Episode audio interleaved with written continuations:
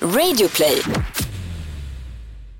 I den här podden tar vi till största del upp obekräftad information. Var därför kritisk till informationen som presenteras i avsnittet. Lee Harvey Oswald shot and killed U.S. President John F. Kennedy, or did he? It seems pretty clear that Oswald was the shooter. However, many have wondered if Oswald acted alone. John F. Kennedy's death is the one that haunts people the most. The President of the United States is dead.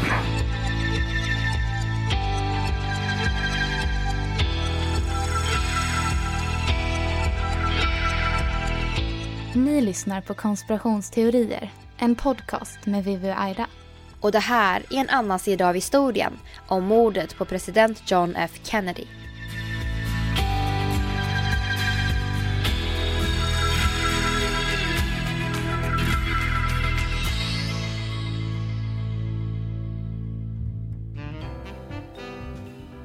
Det är en varm solig fredagsmorgon i Dallas år 1963. Hösten har blivit november månad. Det är ingen direkt vanlig dag för medborgarna i staden. De ska nämligen snart få se landets mest inflytelserika person, om så bara en skymt av honom. Massorna trängs längs Elm Street och övriga gator i staden. Men det är fortfarande glada miner. Samma morgon går en man in med ett brunt paket på skolbokslagret på samma gata. Det kommer göra att hela världen minns den 22 november 1963 som ett stort trauma.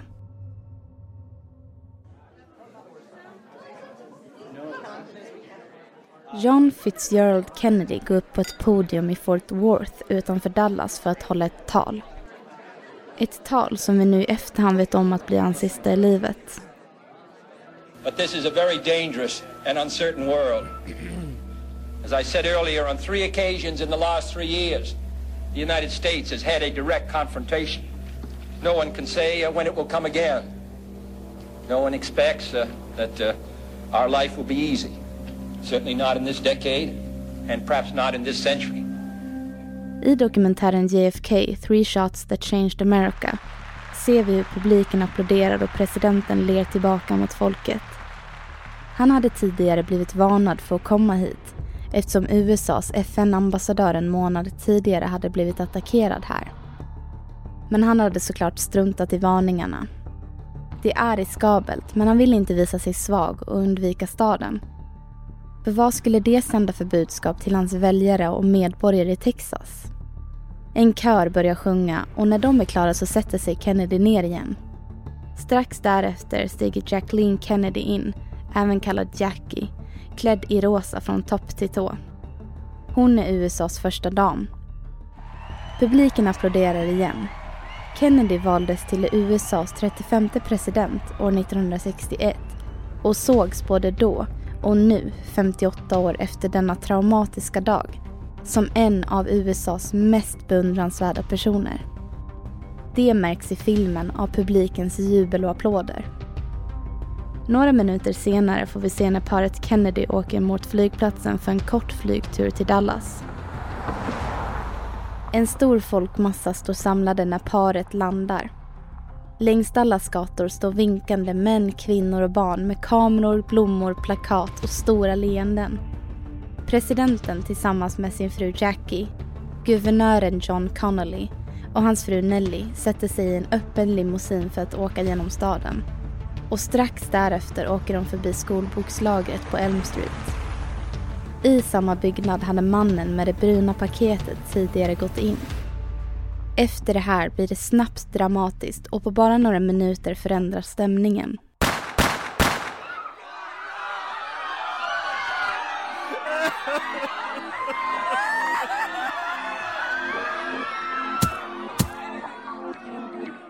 Det krävdes tre skott för att skapa osäkerhet i Dallas, USA och den övriga världen. Tre skott för att mörda president John F Kennedy. Bara tre skott för att skapa total panik. Men frågan kvarstår. Var det en ensam mördare eller en uttänkt plan från toppen av USA? Det ska vi försöka reda ut idag när vi ska prata om en konspirationsteori om president John F Kennedy och hans mördare Lee Harvey Oswald som kanske inte agerade ensam. Det här är en podcast för dig som är intresserad av en annan version av verkligheten. En version som tar upp alternativa teorier, mystiska sammanträffanden och diskussioner om vad som kan vara sant.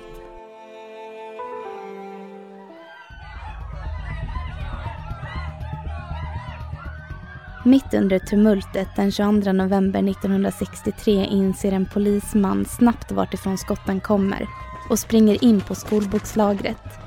Med hjälp av chefen söker de igenom stället. På andra plan finner de en man i lunchrummet. Jobbar han här? Ja, det gör han. Svarar chefen. Och de går vidare och lämnar mannen som då kan lämna byggnaden helt obemärkt. Vad de inte vet är att de lät Kennedys mördare gå fri och på grund av det här så kommer ännu en man att dö. Denna man som nu lämnar skolbokslagret heter Lee Harvey Oswald och han har stor betydelse i det här avsnittet.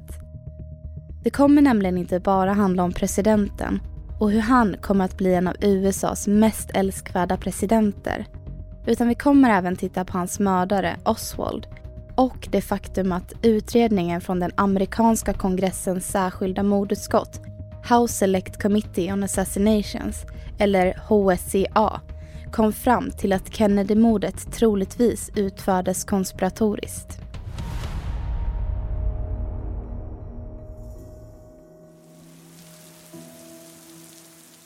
Pojken som föddes 1939 i New Orleans och som kom att 1963 avfyra de dödande skotten mot Kennedy fick namnet Lee Harvey Oswald. Han hade en ganska isolerad uppväxt. Hans far avled strax efter födseln vilket gjorde att Oswald växte upp nära sin beskyddande mamma och utan några vänner att umgås med. Barndomen präglades av mycket hat och ilska. Han passade inte in någonstans egentligen. När Oswald var 14 år diagnostiserades han med en personlighetsstörning med schizoida drag och passiv-aggressiva tendenser vilket hans mamma inte ansåg var värt att behandla. Pojken växte upp till att bli en man som var intresserad av socialism, landet Kubas dåvarande diktator Fidel Castro och som ofta befann sig i kommunistiska kretsar. Under just den tiden, under kalla kriget, var stämningen spänd mellan Sovjetunionen och USA och det var ovanligt att man som amerikan tyckte om Castro, som var allierad med just Sovjetunionen. Oswald var en duktig skytt och tog värvning i marinkåren. Men i arbetet var han stökig och ställdes inför rätta två gånger i militärtjänsten för att ha varit provocerande. Kanske var det något av detta som ledde till hans död. Oswald lämnar USA och under 60-talet i Sovjetunionen så försökte han ta livet av sig när han inte fick medborgarskap. Men han fick till slut stanna och träffade en rysk kvinna att gifta sig med. Men efter ett år tröttnade paret på Sovjet och flyttade till USA. Väl tillbaka i Amerika gick det inte som mannen tänkt sig. Han tröttnade snabbt på livet i Dallas och fick en ny idé. Kuba. Under sommaren 1963 kom Oswald i blåsväder igen när han hamnade i bråk med exilkubaner som inte delade hans åsikter om situationen i Kuba och Fidel Castro som nyligen tagit makten. USA ansåg att han behövde avsättas och CIA med hjälp av exilkubanerna gjorde ett försök, men som misslyckades. Det blev ett nederlag för USA och efter det sökte Kuba stöd hos Sovjetunionen. Exilkubanerna tog det här mycket hårt då de ville ha tillbaka sitt hemland från Castros grepp. Så när Oswald delade ut flygblad med texten “Hands of Cuba” togs det inte väl emot och han blev bötfälld av polisen för bråken. Något som kan ha varit ännu en anledning till att han, strax därefter, valde att resa till Mexico City för att få tillåtelse att resa till Kuba. Mexikanska myndigheterna sa nej och det gjorde även de kubanska och sovjetiska ambassaderna när han ville resa via Kuba till Sovjetunionen istället. Det här ska ha gjort honom mycket arg. Ni kanske undrar varför just den här mannen och hans bakgrund har så stor betydelse i det här avsnittet. Jo, det är nämligen på grund av hans flera försök att skaffa visum i både Sovjet och Kuba, hans kommunistsympatier och intresse för Fidel Castro Kubas dåvarande diktator, som har gett upphov till konspirationsteorier som vi ännu inte kan avvisa som felaktiga nästan 60 år efter mordet på John F Kennedy. Under dagen för mordet på Kennedy kunde flera vittnen placera Oswald på lagret och på bussen när han åkte hem. Han kom nästan hem innan en polisman stoppade Oswald. Hur det här hände vet vi inte exakt, men polismannen blir här dödad. Dagen efter Kennedys mord blev Oswald gripen, men bara för mordet på polismannen. När det stod klart att presidentens liv inte gick att rädda blev den redan dystra stämningen i USA inte direkt bättre. Just now we've received reports here at Parkland. The president was hit in the head. Just a moment. Just a moment. We have a bulletin coming in. It's official now. The president is dead. Skottet mot landets president går att jämföra med samma trauma vi fick uppleva i Sverige när mordet på vår statsminister Olof Palme inträffade 1986. Även fast denna händelse inte hade inträffat när Kennedy mördades. Oswald blev till slut gripen och misstänkt för Kennedy-mordet också. Morgonen den 24 november, knappt två dygn efter hans arrest, när Oswald skulle förflyttas från häktet, hände nästa stora grej.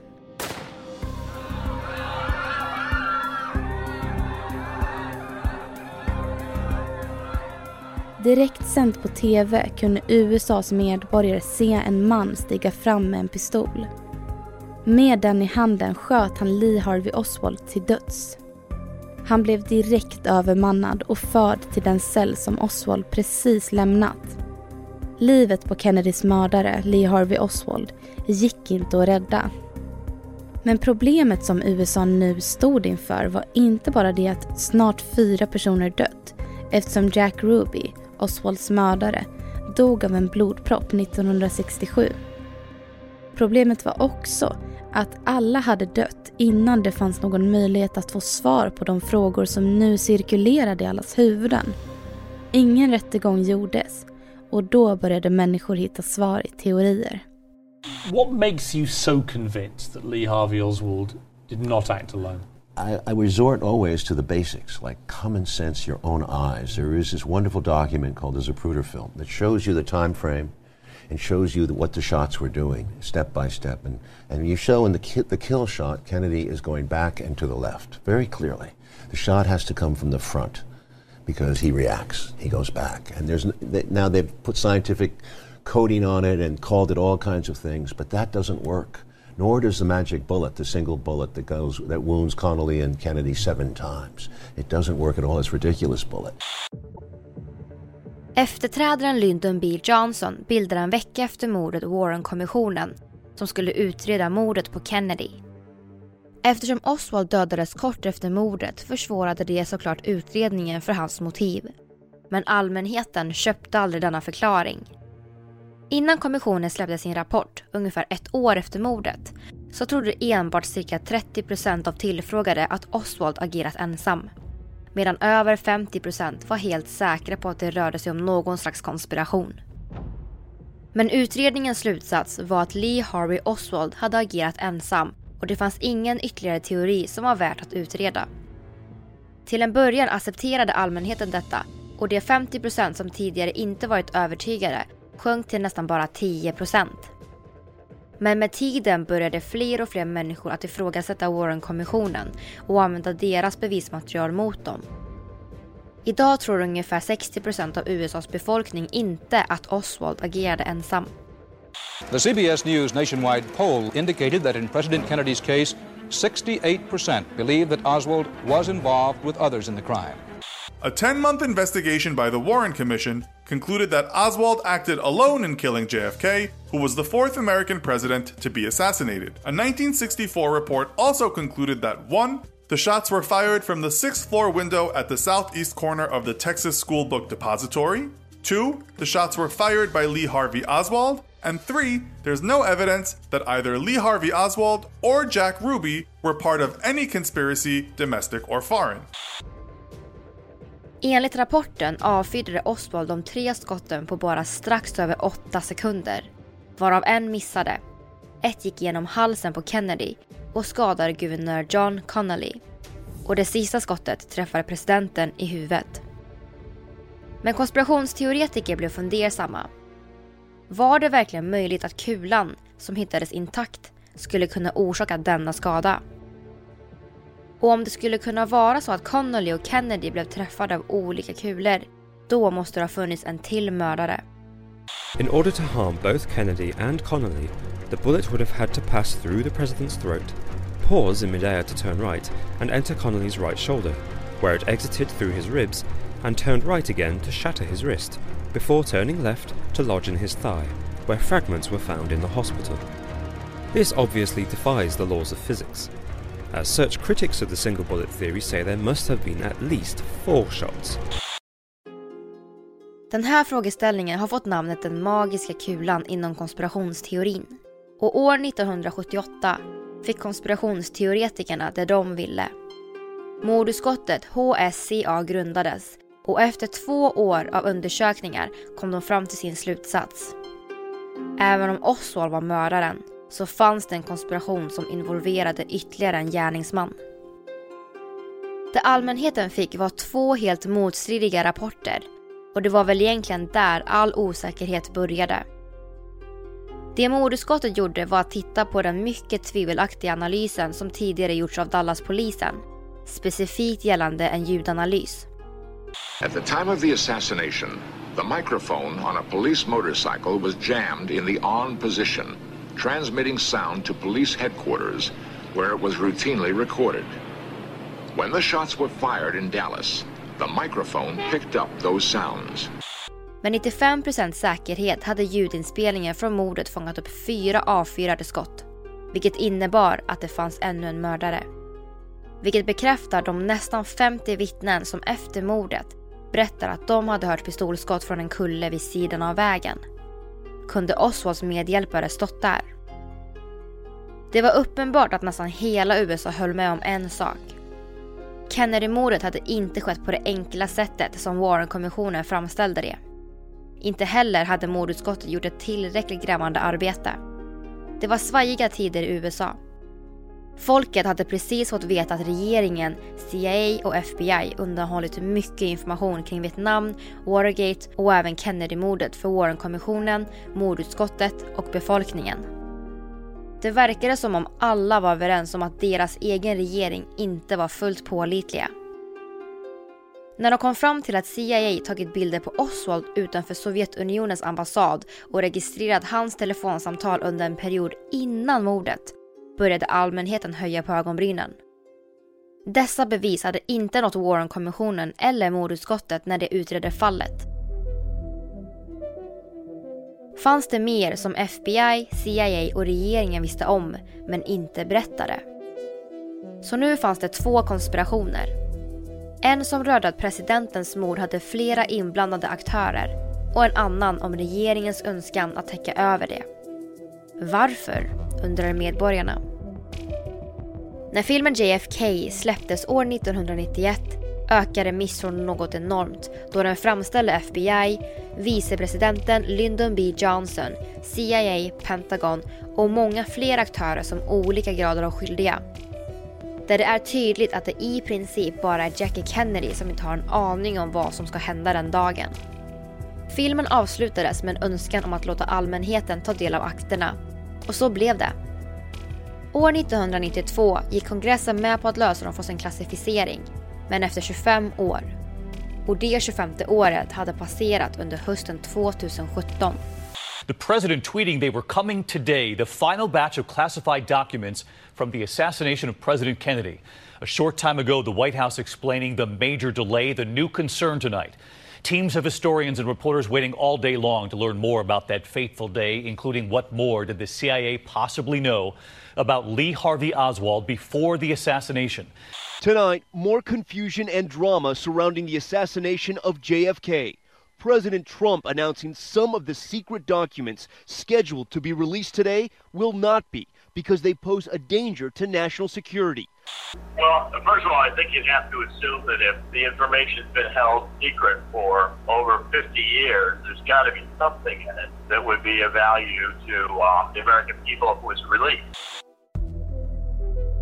Det vi kan se i dokumenten är att även om det stod klart att det var just han så hade Warren-kommissionen svårigheter att förklara varför Lee Harvey Oswald sköt JFK till döds. Det finns även en hel del dokument som blivit undanhållna under åren från HSCA och Warren-kommissionen. Bland annat om presidentens obduktion, menar författaren Richard Beyer. Och han är inte ensam om dessa teorier. En del forskare och konspirationsteoretiker menar att det finns tydliga tecken för att man har manipulerat materialet från dagen för mordet. Bland annat rör det den magiska kulan och olika fragment kring det. Till exempel limousinen paret Kennedy åkte i. Den papperspåse Oswald hade sitt vapen i. En hel del bilder och filmer. Och inte minst presidentens kropp själv. Det finns inte mycket bevis för att styrka detta men fortfarande finns det några dokument som inte släppts än. Och kanske finns svaret i något av dem. Den efterträdande presidenten, Lyndon B Johnson, hade kanske inte den lättaste tiden efter Kennedys död. Fyra år efter mordet berättade CIA-direktören att CIA hade försökt mörda Fidel Castro med hjälp av medlemmar från maffian. Därav trodde presidenten Johnson att JFKs mord faktiskt hade organiserats av Castro för att ge igen mot landet och CIA. Johnson trodde aldrig att Oswald agerade ensam. Även om han accepterat att det var han som avfyrade skotten. I rapporten från Warren-kommissionen stod det att de hade undersökt dussintals av konspiratoriska kontakter mellan Oswald och Kuba, både exilkubaner och agenter från den kubanska regeringen. Men inga svar fanns att hämta där och i efterhand kanske det berodde på att kommissionen aldrig fick ta del av rapporten från J. Edgar Hoover, den dåvarande chefen för FBI. Som menade att Oswald hotat att döda JFK under sin resa till Mexiko, bara tre veckor innan mordet. Mordutskottet, HSCA, ansåg inte heller att det fanns några tillräckliga bevis för att peka ut kubanska anti-Castro-grupper som involverade men utskottet ville ändå inte utesluta möjligheten att individer från sådana grupper kunde varit med. Anledningen låg bland annat i den rådande stämningen mellan länderna. Kuba har under hela utredningen stått högt upp på listan för både Warren-kommissionen och mordutskottet. Flera kubaner som bodde i USA önskade såklart att kunna återvända hem. Men inte förrän Fidel Castro hade försvunnit från makten efter en misslyckad kupp från CIA under 60-talet ansåg utskottet att det inte alls vore orimligt att de kubanska flyktingarna kunde varit en del i Kennedys mord av ren bitterhet mot honom. Richard Schweiker, en av USAs senatorer, trodde att Warren-kommissionen bara tillsattes för att det skulle se bra ut. Och det kanske ligger någonting i det, anser många konspirationsteoretiker. Doctor, the Warren Commission was established to get to the bottom of the murder. Some have speculated that the commission was corrupt. What is your take on that? Well, the Warren Commission was corrupt. I mean, if you take a look, there was an, um, the purpose of the commission was to make sure the blame was put on Lee Harvey Oswald. Uh, the Warren Commission was constituted so the blame did not go on the Soviet Union, did not come back on the CIA, uh, did not name Lyndon Johnson, although I am convinced and discussed that Lyndon Johnson knew about the assassination and was uh, all in favor of it. Kommissionen undersökte även ännu en misstänkt person som medhjälpare i mordet. Nämligen Oswalds mördare Jack Ruby. Men de ansåg inte att han hade några kopplingar till organiserad brottslighet. Något som konspirationsteoretiker reagerade på var just det. Rubys brottslighet. Han var en nattklubbsägare och hade vid ett flertal gånger både arresterats, blivit dömd och varit involverad i andra kriminella brott. Det ryktas även att Jack Ruby var kopplad till maffian och att det skulle vara via deras order som han mördade Oswald. För vad hade en nattklubbsägare annars för motiv att utföra mordet? Kunde det vara så att Jack Ruby mördade Lee Harvey Oswald för att han var rädd att Oswald skulle avslöja någon större konspiration? Om inte kan man ställa sig frågan hur Jack Ruby, en rätt vanlig man som faktiskt ville leva, skulle kunna utföra ett mord som helt klart skulle ge honom dödsstraff. Det var ju inte direkt så att Ruby gjorde det diskret. Det livesändes inför hela Amerika.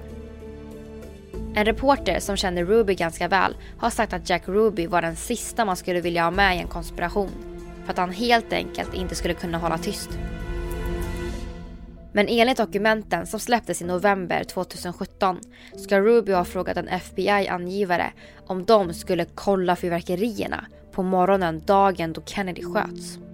De två möttes i ett gatuhörn i närheten innan skotten avlossades och direkt efter så försvann Ruby därifrån. Visste han kanske att någonting skulle hända? Svaret på det kommer vi kanske aldrig få veta. Men kanske finns svaren på denna gåta i något av dokumenten vi får tillgång till år 2021. Då får vi kanske veta om det var en konspiration av något slag som faktiskt mördade John F Kennedy. Eller så kanske vi får det bekräftat för oss att det var så lätt som att Oswald var den ensamme mördaren.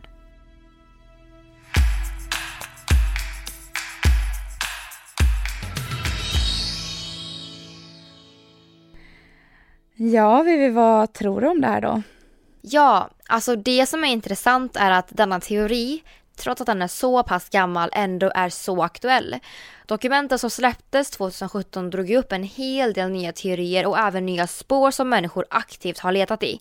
Sen har vi även den intressanta aspekten på det här, att det fortfarande är 1%-ish då, som inte släppts då Trump satt en delay på dessa till och med år 2021 för national security reasons. Och man bara, hmm. Mm. Och det är alltså 56 år sedan det här hände. Så alltså vad har man då att fortfarande dölja liksom? Ja, ja nej men jag känner, jag är lite på samma spår där som dig. Vad tusan. Ja, för jag känner lite så här, vadå för national security reasons? Okej, okay, eh, innebär det då att, alltså att regeringen hade någonting med det här att göra? Att det som, alltså det dokumenten då som man inte vill släppa, kan det vara att det är någonting som kommer bidra med en jätte, jättestor katastrof mm. för USAs befolkning eller kanske för världen. För regeringen, definitivt. Kommer ja, bli en alltså, katastrof. Jag tror, alltså jag tror att det är något sånt där. Det är jättekonstigt att Trump bara, ah, nej men eh, vi eh, skjuter fram det här ännu mer än vad ja. vi gjort innan. Sen, alltså, det kan ju vara att han vill ha en hållhake själv. Alltså för att själv tjäna på det.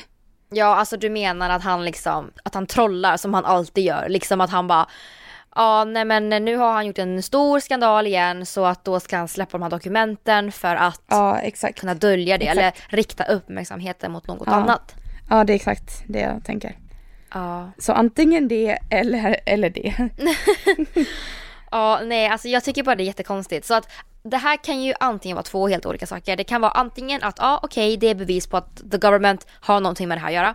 Mm. Och att JF Kennedy faktiskt blev mördad av högre makter. Ja. Eller så är det bara något så enkelt som att detta är ett PR-trick från ja. Trumps håll. Ja, alltså det lutar ju kanske lite mer mot det sista. Ja men apropå dokument och lite bevis och så. Det finns någonting som kallas för frame 313 och det här, är ingen, det här är ingen konspiration eller teori eller så, utan det här är faktiskt ren fakta. Men just under den dagen så, så fanns det ju många fotografer och, och reportrar där och sådär. Och det var många bilder och filmer som togs.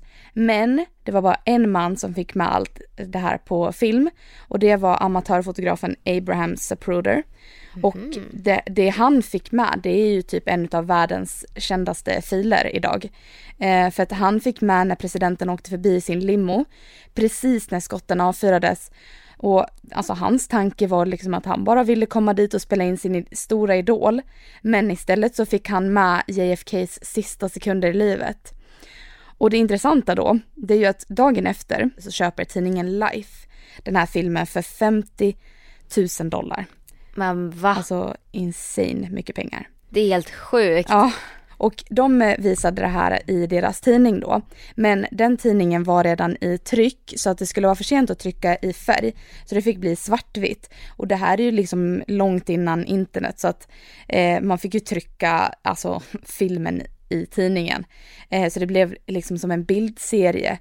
Och 313, namnet, kommer ju då från att det var eh, JFKs headshot. Eh, Life valde då till en början att inte ta med just den bilden i sin tidning för respekt för alla egentligen. Mm, eh, så man fick inte se den bilden från första början. Det var ju liksom ingen som hade sett det här på, på film. De som inte var där. Ja men alltså det är ju inte så konstigt. Jag menar, alltså vad ska man säga, vad heter det när det är så här, det är, det är jättekänsliga bilder. Att se din president få en kula i huvudet. Ja, jo men alltså verkligen. För alltså det, det läskiga med det är ju typ att man nästan ser. Den här eh, filmen finns ju då eh, alltså väldigt högupplöst nu. Eh, och då kan man ju se typ när hans huvud exploderar. Eh, och det är ju jätteobehagligt och jätteläskigt. Och eh, vi, alltså vi rekommenderar ju absolut inte att ni behöver kolla på det. Ja, men så de valde alltså helt enkelt inte att publicera den första gången men de gjorde det sen, eller vadå? Ja, eh, tidningen, alltså Life kom ut med bilden senare. Det var nog eh, inte ett, alltså det var nog ett kort tag efter. Men just dagen efter så valde de att inte ta med den. Nej, men det var ju så känsligt då, eller det är fortfarande känsligt för vissa liksom. Deras president dog liksom. Precis. Det är klart man håller inte med om alla politiker och sådär men Men det alltså, ska inte göra att man mördar någon. Nej, det är ju ingen rätt till att ta någon annans liv bara för att du inte håller med om den personen. Ja, jo precis. Alltså om vi tänker tillbaka på den här filmen nu mm. och de här hemska liksom, sekunderna där man faktiskt får se att ja, JFK faktiskt dör så finns det ju även lite footage på en man som håller ett paraply. Ja. Och den här mannen har ju då blivit känd som paraplymannen och på engelska the umbrella man. Och som vi vet så var det alltså en fin dag den 22 november. Mm. Men när skotten började trilla in så ser man paraplymannen. Och han har ju då blivit av en ikon inom konspirationsteorin. Mm. Och han är alltså den enda mannen med paraply och som råkade stå precis i närheten av presidenten när skotten började. Och då kan man ju undra lite om det finns någon speciell rimlig anledning till det här.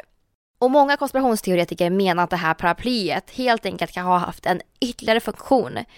Eh, än att helt enkelt bara skydda en person från regn. Och dessutom så regnade det ju inte. Så Nej, det gjorde inte. Han kanske försökte skydda sig mot solen, vad vet jag. Men det, man, det konspirationsteoretiker menar då är att de undrar ifall det kan vara så att paraplyet användes för att faktiskt signalera till Oswald. Mm. Och det är så himla sjukt för under slutet av 70-talet så identifieras mannen som Louis Steven Witt. Och han berättade att paraplyet egentligen bara användes för att protestera mot jag vet inte, men för att protestera mot någonting i alla fall. Mm. Eh, och om det stämmer eller inte, det vet vi ju inte än idag. Och det är ganska sjukt. Och jag tror ju personligen att det var för att signalera. Alltså, eh, jag är absolut inne på samma spår som dig. Eh, att det användes för att signalera. Sen finns det ju vissa konspirationsteoretiker som tror att det kan ha varit ett inbyggt vapen i eh, den. Att det liksom, att han sköt det fjärde skottet på nära håll. Ja fast det känns ju jättelångsökt. Nej men jag tycker inte alls att det kanske verkar så långsökt. Jag vet inte. Tror du det? Jag tror absolut att man kan bygga in ett, alltså för idag kan du väl bygga in eh, alltså en pistol eller lite vad som helst. Jo men jag menar alltså det är långsökt på det sättet att han var den enda människan med en paraply och folk det är klart folk märker det för han stod ut och skulle han ah. stå där och skjuta honom då hade ju liksom folk reagerat på det och förmodligen blockat honom och alltså polisen hade haft honom nu i fängelse liksom. Men du tror inte att det liksom är att han tänker att det var uppenbart att han hade sitt paraply att signalera då? Det hade kanske varit lättare att signalera typ ja men eh, jag kliar mig på huvudet eller något, jag vet inte. Jag tror mer på det faktum att han använde paraply för att signalera till Oswald som då tog pistolen och faktiskt avfyrade skottet. Men det känns så odiskret att signalera med ett paraply när det är en fin dag. det känns jätteorimligt. Ja, de var väl inte så smarta kanske. Om det är sant. Ja, jag vet. Ja, jag tycker det är jättekonstigt. Men det som är intressant är att bredvid den här Umbrella-mannen då Umbrella-mannen, min svengelska. Um, så såg man en annan man som man ännu inte har kunnat identifiera. Precis, och paraplymannen kunde ju inte identifiera den här personen och det, det kan ingen annan heller än idag.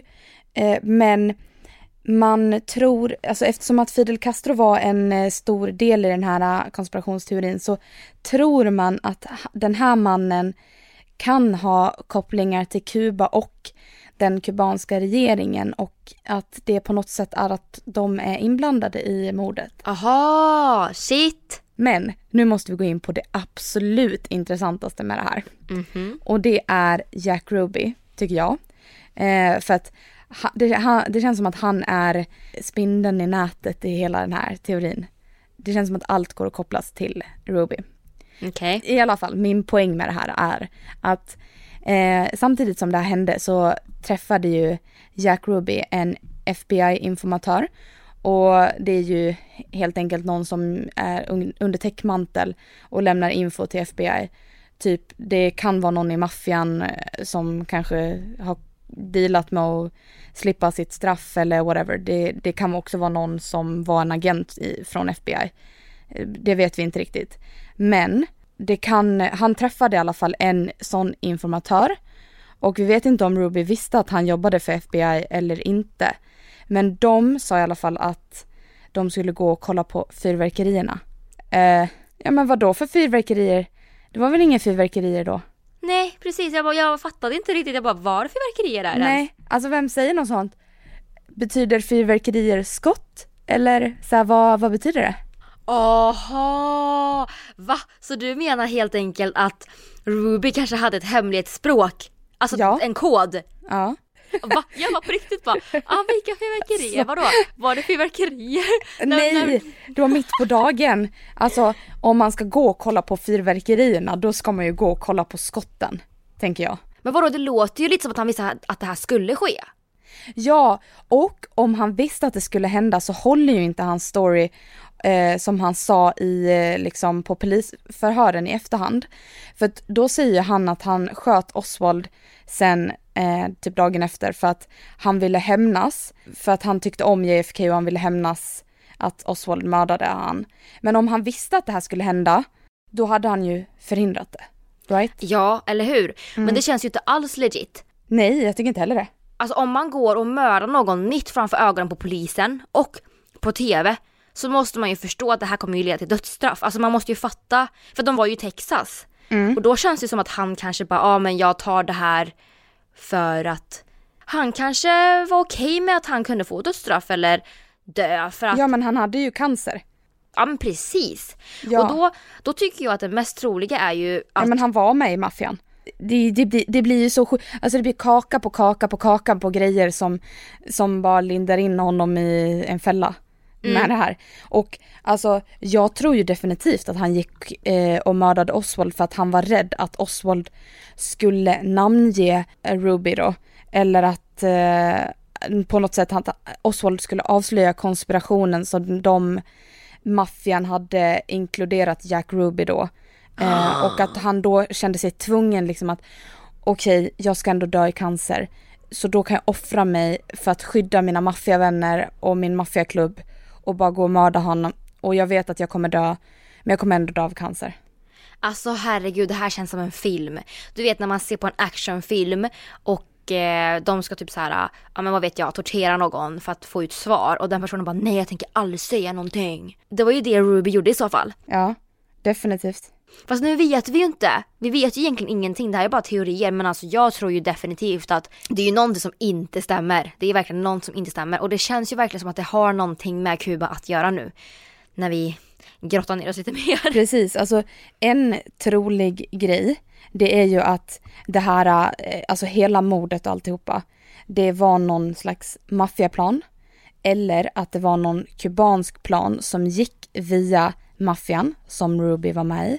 Och Mm. att Rubys roll var att mörda Oswald för att deras eh, maffiaplaner skulle gå. What the fuck? Ja, Jag, jag, alltså jag tror verkligen på det här. Alltså kalla mig foliehatt, men jag tror på det här. Ja, alltså det är ju så himla mycket brister i fallet. Det finns så mycket konspirationsteorier och det är så mycket som inte liksom stämmer överens så att det här skulle ju kunna vara sant. Mm. Nej men absolut. Eh, och sen, det här är liksom pricken över i nu. En annan teori som spinner vidare på allt vi har sagt nu, det är ju att Warren-kommissionen, de kanske tillsattes bara för att det här skulle se bra ut. De kanske inte alls utredde fallet. Typ inom ett år efter mordet så sa de, nej men det här är ingen konspiration, det var Oswald och han mördade han bara för att. De tittade ju inte mer efter det. Mm. Men den här äh, mordutskottet som tillsattes, de hittade ju ett ljudklipp och det här var ju jättestora bevis för att det var en fjärde kula för det hördes ju i den. Men de, det var ju inte tillräckligt starka bevis för att man skulle kunna koppla det till den dagen och att det var just Kennedys mord. Men alla vet ju om att det var ju det. Och om man hade fått använda den, det här beviset i ljudklippet. Tänk, alltså allting hade varit annorlunda idag för det bevisar att det var ett fjärde skott.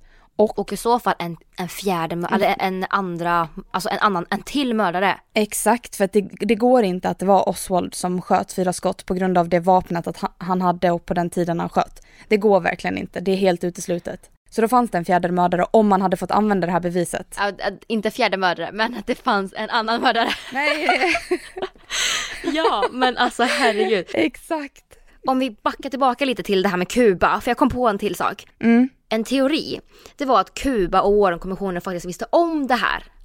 Och att de visste att det här skulle ske. Mm. Men för att de inte ville höja oroligheterna som skulle liksom komma då under kalla kriget så valde de alltså att inte berätta det här för allmänheten.